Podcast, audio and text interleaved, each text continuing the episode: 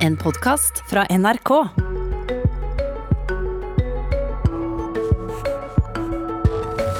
Jeg tror jo en historisk tredje valgseier er innen rekkevidde. Men Erna Solberg, har du sett meningsmålingene? Jeg har sett meningsmålingene. Og det ser vel ganske mørkt ut. Senest i går, NRKs supermåling gir ikke all verdens håp om gjenvalg. Eller kan pandemien redde regjeringen? Eller er det pandemien som feller den? Men vi har ikke tenkt å gi oss. Vi har snudd dette før. Erna Solberg sa vel det hun var nødt til å si til Høyres sentralstyremøte søndag. For hvor i tallene dine skal hun finne håp om en ny periode som statsminister? Politisk kommentator i NRK Lars Nehru Sand, god morgen. God morgen. I går hadde vi vår andre store meldingsmåling før valget, som vi ikke er snauere enn at vi kaller supermåling. Ehm, og hvordan skiller den seg fra vanlige målinger? En vanlig meningsmåling spør rundt 1000 personer eh, over hele landet om hva de ville stemt, og modellerer sånn sett et eh, valgresultat basert på det nasjonale overblikket.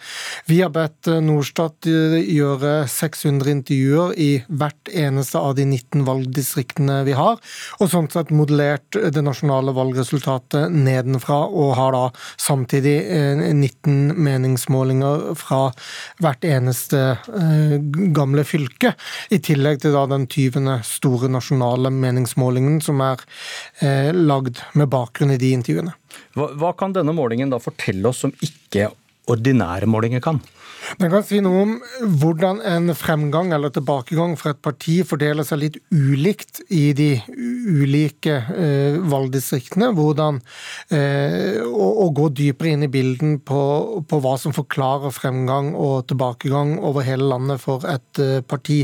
Så den er litt mer presis på ulikheter mellom landet. Det kan jo være et parti som halveres i oppslutning, fortsatt gjør det like bra i sine to beste valgdistrikt f.eks., men at nedgangen skyldes resten av landet, eller motsatt. Hvis Erna Solberg skal klare å snu dette, så må samarbeidspartnerne finne formen, og, og velgerne. Venstre og KrF sliter med å komme over sperregrensa på 4 som da vil gi mange flere representanter på Stortinget. Og hvis, hvis vi begynner med Venstre, hvor må de hente sine nye velgere før september?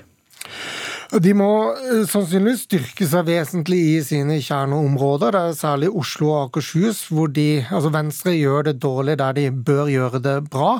Eh, det er egentlig bare Oslo hvor partiet er over sperregrensen i, i de lokale tallene.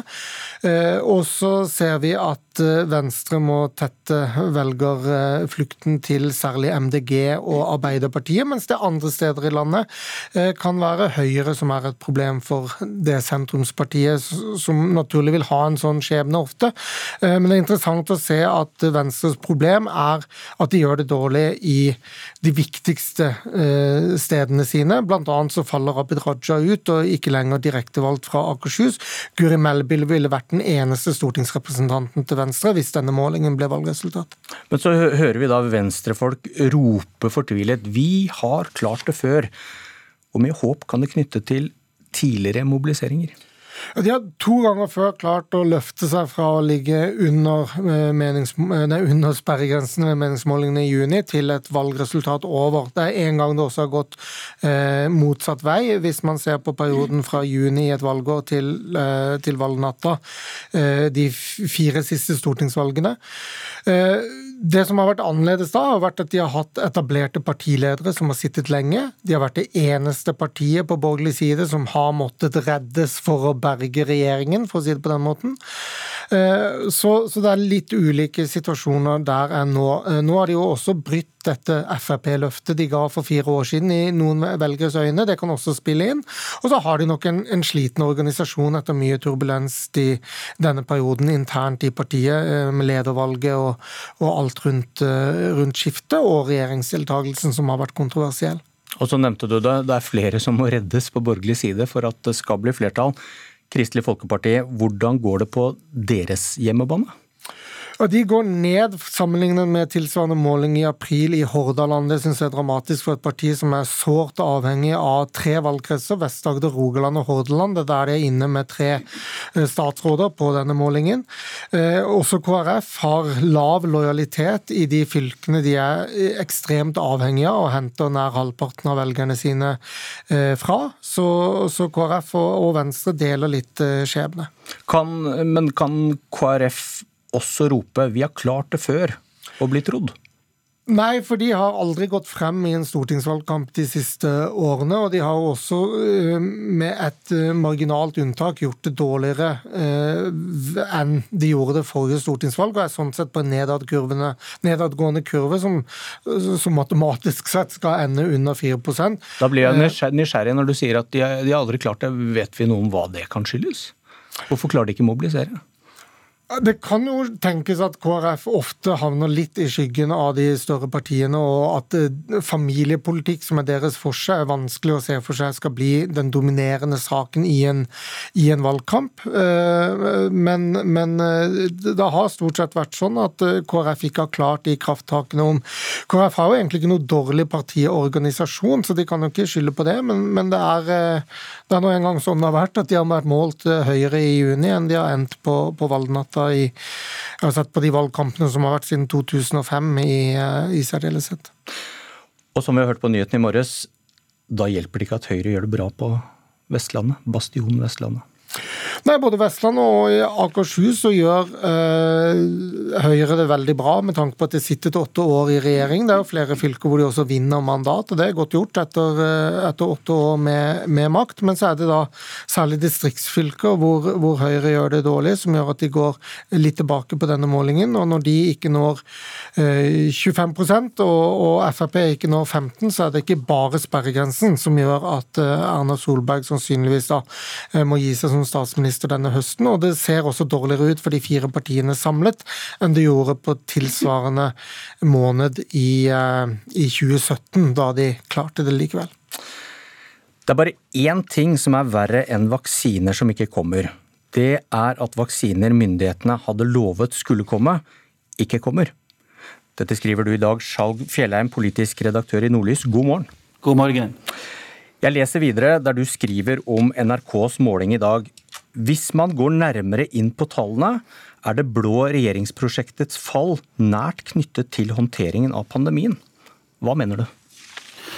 Jeg mener at eh, det som skulle være regjeringas eh, sterkeste kort, nemlig at Norge har kommet ganske godt ut av dette både når det gjelder helse og når det gjelder økonomi, det er noe regjeringa ikke har klart å, å utnytte. Det, vil si, eh, det blir da overskygga, den fortellinga blir helt overskygga av at statsministeren og regjeringa nå ikke lykkes med å skape noen god stemning omkring gjenåpninga av eh, Norge. Vi ser jo at situasjonen er prega av eh, ganske høylytt krangel om alt fra breddeidrett til vaksinehotell og, og, innreise for kjærester osv. Og så er det en viktig ting til som jeg tror eh, man må ta med i vurderinga. Og det er jo dette at regjeringa har skapt inntrykk av at landet nærmest skulle flomme over av vaksiner denne sommeren. og så får vi da de siste dagene nyheten om at det ikke kommer til å skje. Og Paradoksalt nok så har da den samme regjeringa i mange måneder avvist eh, alle forsøk på at Norge skulle gjøre ekstra fremstøt for å få tak i vaksiner utenfor disse EU-avtalene. Eh, fordi det var ikke nødvendig. I sommer så skulle vi få masse vaksiner til Norge. Det, det skjer ikke. og det er klart at 40-åringer eh, rundt omkring i Norge som risikerer å bli blant de sist vaksinerte i Europa nå. De er sist fullvaksinerte da i Europa. Det er ikke gitt at de går og stemmer på Erna Solberg i september.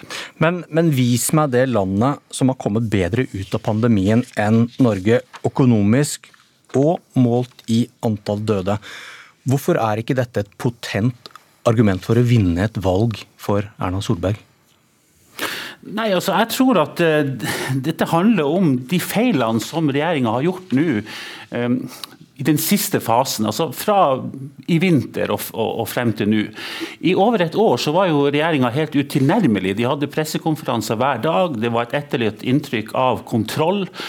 Og god styring, og så svikter dette da rundt påsketider. Det, det starter med denne middagen til Erna i, i, påskeferien, som ikke ble godt mottatt av et slitent og trøtt, koronatrøtt folk. Så fikk vi også denne skjevfordelinga av vaksiner da, i en fase der smittetallene er på full fart ned i Norge, og som jo har satt uh, fyr på den tradisjonelle uh, by-land-debatten i Norge. Og, og, som en skjevfordeling som sannsynligvis kommer for seint, som ville ha gitt uh, mye mening i vinter og, og, i vår, men som nå kommer i en fase der det bare skaper støy og konflikt rundt regjeringa. Det er klart at det svekker Erna Solberg. Hanne Skartveit, politisk redaktør i VG, velkommen. Tusen takk. Er du enig i analysen du nettopp hørte? Eh, det er nok vanskeligere å åpne enn å lukke. Jeg tror Skjalg Fjellheim har rett i at det å knuse forventninger det er veldig veldig alvorlig i politikken.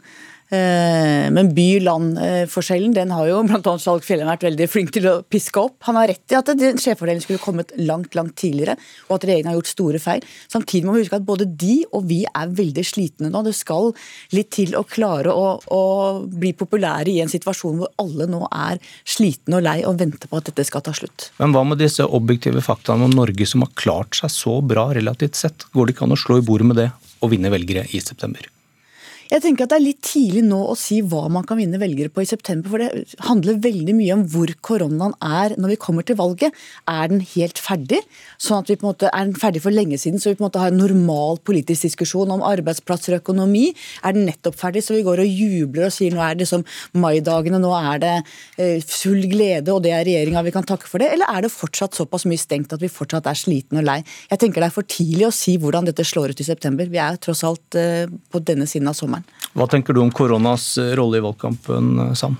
Jeg er veldig enig med Skartvedt i at det mindsettet som vil være i denne valgkampen, her er, sjeldent vanskelig å forutse kort tid eh, før, og, og vil nok også avgjøre litt både synet på, på regjering og maktskifte, men, men, også eh, synet på hvordan man har klart det som, som er den viktigste oppgaven til staten året, dette året, å få oss gjennom den krisen. Men også da bildet av hva eller hvor mye er det som må gjenoppbygges i norsk økonomi og samfunn denne krisen? Kommer vi oss lett gjennom og, og rister dette greit av oss, eller er det eh, store oppgaver for eh, partier å gjøre? Eh, skal vi snakke om klimakrisen? Skal vi ikke? Vil ha noe å si for, for eh, hvordan partier vil komme ut av, av valgkampen, og hvilke eh, saker det blir plass til på dagsorden? Arbeiderpartiet er størst på vår måling, men ikke like dominerende i fylkene som eh, ved tidligere valg. Nei, og Det er verdt å legge merke til, syns jeg. Eh, det er jo en forskjell fra april at Arbeiderpartiet er større enn Høyre. Men det vi kan merke oss, er at da Jens Stoltenberg vant eh, makten i 2005, så var Arbeiderpartiet størst i alle valgdistrikt, med unntak av tre, hvor Høyre og Frp var eh, større enn Ap. I år ser det ut til at Høyre kan bli størst i fem, og Senterpartiet i seks. Og det viser hvilket endret landskap norsk geografi politisk geografi er. Eh, og det vil være helt klart noe av det vi, vi snakker om på valgnatta, hvordan eh, Norge er endret politisk som følge av det valgresultatet velgerne vil gi oss. Og det, dette har du vært inne på også tidligere, Skartveit, med forskjellen fra 2005, da Jens Stoltenberg kom til makta, og situasjonen på rød-grønn side i dag. Ja, Den gangen så var jo de tre partiene, Senterpartiet, SV og Arbeiderpartiet, enige om hvem som skulle være statsminister. Det skulle være Arbeiderpartiets leder Jens Stoltenberg. Denne gangen er de ikke enige om det. Vi har to kandidater. Og de var enige om alle de tre partiene at de tre skulle danne regjering. Denne gangen vil ikke Senterpartiet ha med SV. SV er litt i tvil om de skal inn. Arbeiderpartiet vil ha med begge to. Så det er en helt annen situasjon enn det var i 2005. Fjellheim, hvordan ser du på ståa på rød-grønn side nå, som har et forsprang inn i valgkampen? Jeg vil jo først si at eh, Med tanke på, på, på liksom det store spennet i norsk politikk i dag, så og de, de, mange konfliktlinjene, så er det ikke nødvendigvis dårlig av Arbeiderpartiet å klare å samle en fjerdedel av velgerne bak seg, slik denne NRK-målinga viser. Og Det er mye som tyder på at Jonas Gahr Støre blir statsminister, både fordi han, Arbeiderpartiet er klart størst på rød-grønn side, og fordi det er da et så stort rød-grønt flertall på målingene. Så er jo spørsmålet hva slags regjering kommer Støre til å lede? Det er jo riktig som Skartveit sier at Senterpartiet og SV vil jo helst slippe å sitte i regjering med hverandre. Så en på visa kan jo bli at Jonas Gahr Støre blir nødt til å styre dette landet alene i en mindretallsregjering. Det skal vi ikke utelukke. Takk for analysene. Du kan lese mer om målinga vår på nrk.no. Dette var Politisk kvarter. Jeg heter Bjørn Myklebust. Du har hørt en podkast fra NRK. Hør flere podkaster og din NRK-kanal i appen NRK Radio.